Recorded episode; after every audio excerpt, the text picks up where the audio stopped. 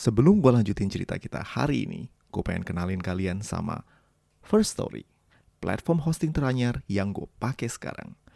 Podcast Mitologi Santuy udah pindah hosting beberapa kali, dan kali ini gue yakin gak akan pindah ke lain hati. First Story adalah platform palu gada baru yang paling keren, lengkap, dan user-friendly. Bukan itu aja, gampang banget buat distribusi dan kelola podcast kalian di sini. Udah gitu doang.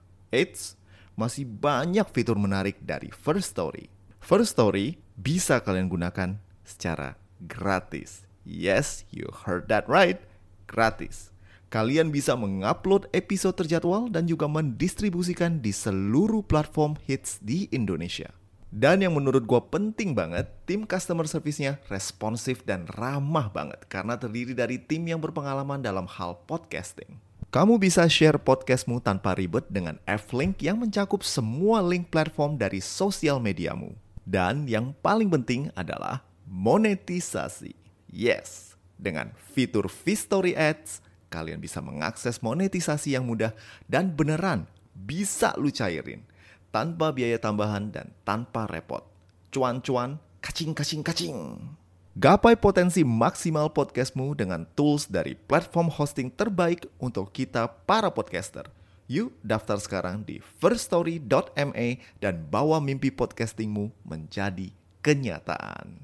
Halo semua pendengar podcast Mitologi Santuy, podcast yang ngebahas mitologi dengan cara yang santuy. Selamat datang kembali di podcast ini buat kalian yang udah langganan dengerin gue cerita ngalor ngidul soal perdewaan Yunani. Dan selamat datang buat kalian yang baru dengerin. Semoga kalian cocok dan jangan lupa hit subscribe dan kasih rating bintang 5 ya di Spotify. Akhirnya gue sempet lagi ngepost episode baru setelah dua minggu absen nggak posting. Maklum aja gue baru balik dari liburan 4 hari lalu dan maklum. Bulan ini kan bulan Juni, bulannya gue bisa keluar dari riwahnya kerjaan. Oh iya, kalau kalian notice suara gue agak bindeng nih karena oleh-oleh dari traveling gue. maklumin aja ya. Maaf-maaf kalau misalnya agak bindeng gini. Anyway, di episode kali ini gue bakal ceritain tentang origin story dari Cancer, si kepiting raksasa yang merupakan zodiak di antara Gemini dan Leo. Buat kalian yang lahir di antara tanggal 21 Juni sampai 22 Juli, this episode is for you. So sit tight and enjoy.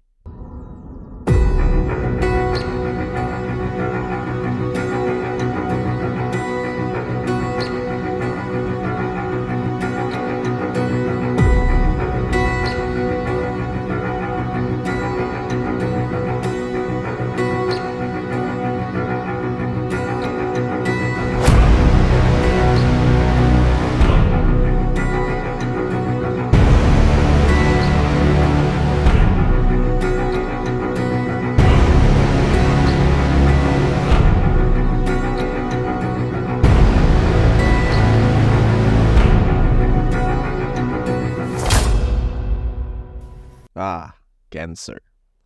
Apa yang muncul di pikiran lu kalau lu dengar kata ini? Gue yakin, kalau nggak penyakit mematikan yang sampai sekarang belum ada obatnya, ya pasti rasi bintang Cancer atau zodiak yang punya simbol kepiting. Dua-duanya memiliki asal kata yang sama, yaitu kepiting dalam bahasa Yunani. Konon penyakit kanker atau cancer dinamakan cancer oleh orang-orang Yunani kuno karena wujud penyebarannya dalam tubuh mirip sama capit kepiting. Dan rasi bintang cancer pun berwujud seperti capit kepiting atau huruf Y kalau gue lihat. Gak kayak kepiting gede dengan dua capit dan kakinya. Yang banyak itu.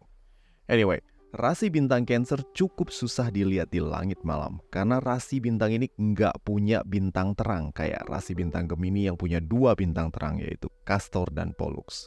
Karena ketiadaan bintang terang inilah, rasi bintang Cancer terkesan redup dan identik dengan misteri dan kegelapan. Uh, mungkin ini yang bikin karakter Gold Saint Cancer di seri Saintsia, Marigoldo dan Dead Mask punya kekuatan untuk memanipulasi arwah. Buat kalian yang belum pernah nonton Sensei ya, beneran, nonton deh. Anime ini walaupun jadul, tapi tetap seru. Nonton yang Sensei ya Lost Canvas kalau lu pengen nonton 12 Gold Saint bertempur melawan para ksatria Hades. Anyway, sorry, gue malah fan girling. Oke, balik lagi ke cerita kita. Seperti rasi-rasi bintang yang lain, rasi bintang Cancer telah dikenal oleh kebudayaan-kebudayaan lain selain Yunani. Bangsa Mesir menghubungkan rasi bintang ini dengan Dang Beetle. Dang Beetle ini sejenis kumbang dan gua nggak nemu bahasa Indonesia ini apa. Soalnya kalau gua terjemahin secara harafiah jadinya kumbang ee atau kumbang pup. Ya sebenarnya nggak salah juga sih karena kumbang ini punya kebiasaan ngumpulin ee-nya terus didorong dan digulung jadi kayak bola. Orang Mesir menganggap kumbang ini suci karena melambangkan bagaimana penciptaan dunia terjadi. Konon, kumbang ini mendorong matahari dari langit ke posisinya. Bangsa Babilonia punya gambaran yang berbeda soal Cancer. Menurut mereka, rasi bintang ini bukan gambaran kepiting, tapi kura-kura. Kelihatannya rasi bintang ini selalu dihubungkan dengan makhluk yang punya cangkang atau rangka luar yang keras, macam kepiting, kumbang, dan juga kura-kura. Di mitologi Yunani, origin story dari Cancer ini dikit banget. Biasanya rasi bintang punya at least dua stories, tapi Cancer hanya satu. Itu pun si kepiting raksasa cuma punya peran kecil banget dan merupakan bagian dari cerita petualangan si otot dewata dan bisep ilahi, Hercules. So you guys sudah tahu cerita tentang Hercules kan? Kalau belum, silahkan dengerin seri petualangan Hercules yang udah gue bahas komplit. Kali ini gue cuma ceritain summary-nya doang dan yang berhubungan sama si Cancer. Jadi gini, Zeus pada satu masa kepincut sama satu binor yang namanya Alkmene.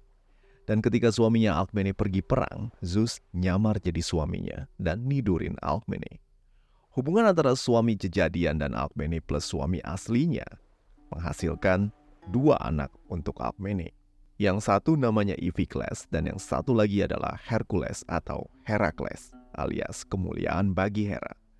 Nama ini diberikan biar Hera agak adem karena semenjak lahirnya Hera yang kesel karena Zeus selingkuh lagi selingkuh lagi nggak henti-hentinya mengganggu hidup si bayi malang. Dari ngirim dua ekor ular gede dan prank-prank lain yang tujuannya buat ngebunuh si anak haram. Tapi Hercules punya super strength karena dia adalah keturunan Zeus dan dengan mudah mengatasi prank-prank si tiri. Sampai satu hari ketika Hercules udah punya anak istri, Hera mendatangkan kegilaan pada Hercules. Hercules mengira anak istrinya adalah monster dan dihajar sampai tewas mengenaskan. Ketika Hercules sadar, Hercules depresi dan gak ingin hidup lagi, terlebih karena dirinya mesti menebus dosa dan kesalahannya. Sesuai petunjuk Oracle, Hercules harus mengabdi kepada sepupunya yang menyebalkan, Raja Eurystheus atau Orestes, dan menyelesaikan 12 tugas yang diberikan kepadanya. Baru dosanya bisa diampuni oleh para dewa. Hercules menerima syarat yang diberikan para dewa dengan lapang dada, dan Orestes pun bebas nyuruh-nyuruh Hercules seenak jidatnya.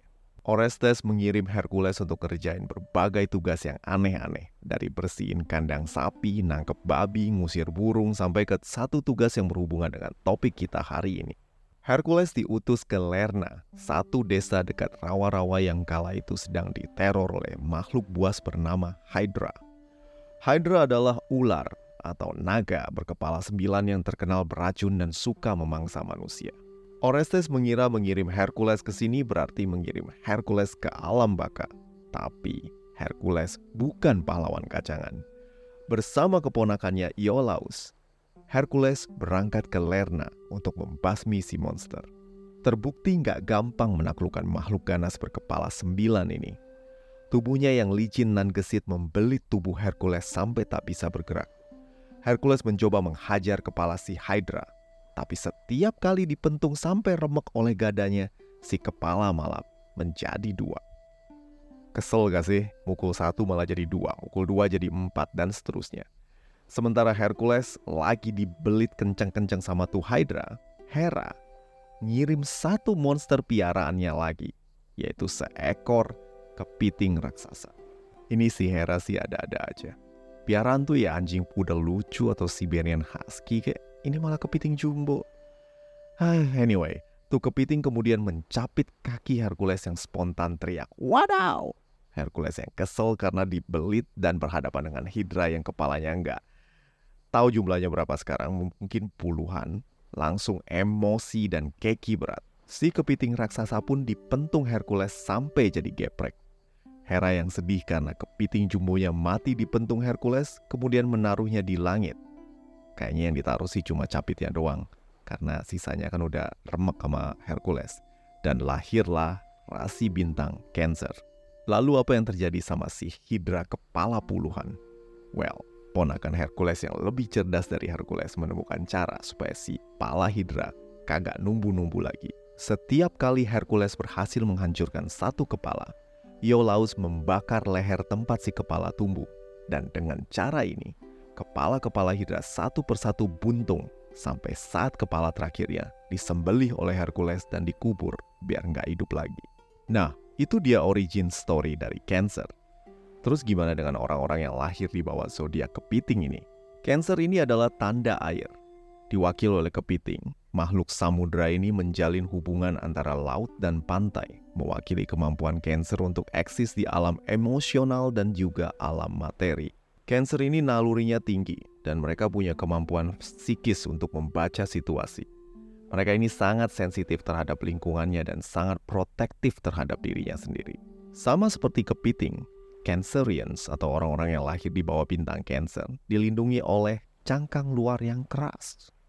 Pada awalnya, kepiting ini mungkin dianggap dingin atau jauh dan gak mau deket sama orang. Namun seiring jalannya waktu, Cancer akan mengungkapkan sifat lembut, penuh kasih sayang yang tulus dan kemampuan bersosialisasi mereka. Jangan heran jika butuh waktu lama untuk mengenal mereka. Benda langit yang mempengaruhi Cancer adalah bulan. Benda langit yang mewakili kenyamanan, perawatan diri, dan energi keibuan. Karenanya, Cancer cenderung berorientasi pada rumah tangga. Mereka ini suka membuat ruang yang nyaman dan aman sebagai comfort zone mereka dan menghabiskan waktu di dalamnya. Cancer sangat peduli dengan keluarga mereka dan sangat-sangat cepat mengambil posisi sebagai seorang pengasuh. Tapi para kepiting ini harus hati-hati karena ketika Cancer berinvestasi pada seorang secara emosional, mereka ini cenderung nggak bisa bedain antara perhatian sama mengendalikan. Jadi agak-agak control freak gitu. Cancer menarik perhatian teman dan kekasih melalui kesetiaan, komitmen, dan juga kedalaman emosional mereka. Para kepiting ini adalah tuan rumah yang luar biasa dan mereka ini sangat suka sekali menjadi host dan memberikan makanan yang terbaik untuk para tamunya. Karena Cancer ini rumahan banget, jadi kalau lu mau deketin orang-orang yang lahir di bawah bintang zodiak ini, lu mesti siap hangoutnya di rumah. Hehe. Kepiting ini demennya jalannya miring. Tapi kalau menurut para astrologi, jalannya miring ini sebenarnya adalah simbol bagaimana mereka itu menghindari konflik langsung. Tapi, walaupun mereka nggak suka konflik, para Cancer ini bisa menimbulkan satu jepitan yang keras kalau mereka terdesak. Karena agak tertutup, Cancer itu agak susah untuk diajak bicara terbuka tentang apa yang mengganggu mereka. Tapi kalau lu bisa membuat mereka nyaman dan tidak terancam, lu bakalan jadi temennya atau sohibnya yang baik. Mereka akan terbuka dan bakal cerita tentang apa aja kepada lu. Nah, demikianlah episode Mitologia Horoskop kali ini.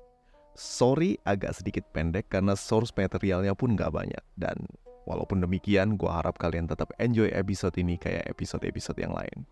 Buat kalian yang kepengen dukung podcast ini, silahkan beri bintang 5 di Spotify atau klik link traktir yang tersedia di deskripsi episode seperti Bro Handi dan juga Green Jacket yang udah traktir gua di link mitologi santuy. Anyway, udah dulu ya. Ciao.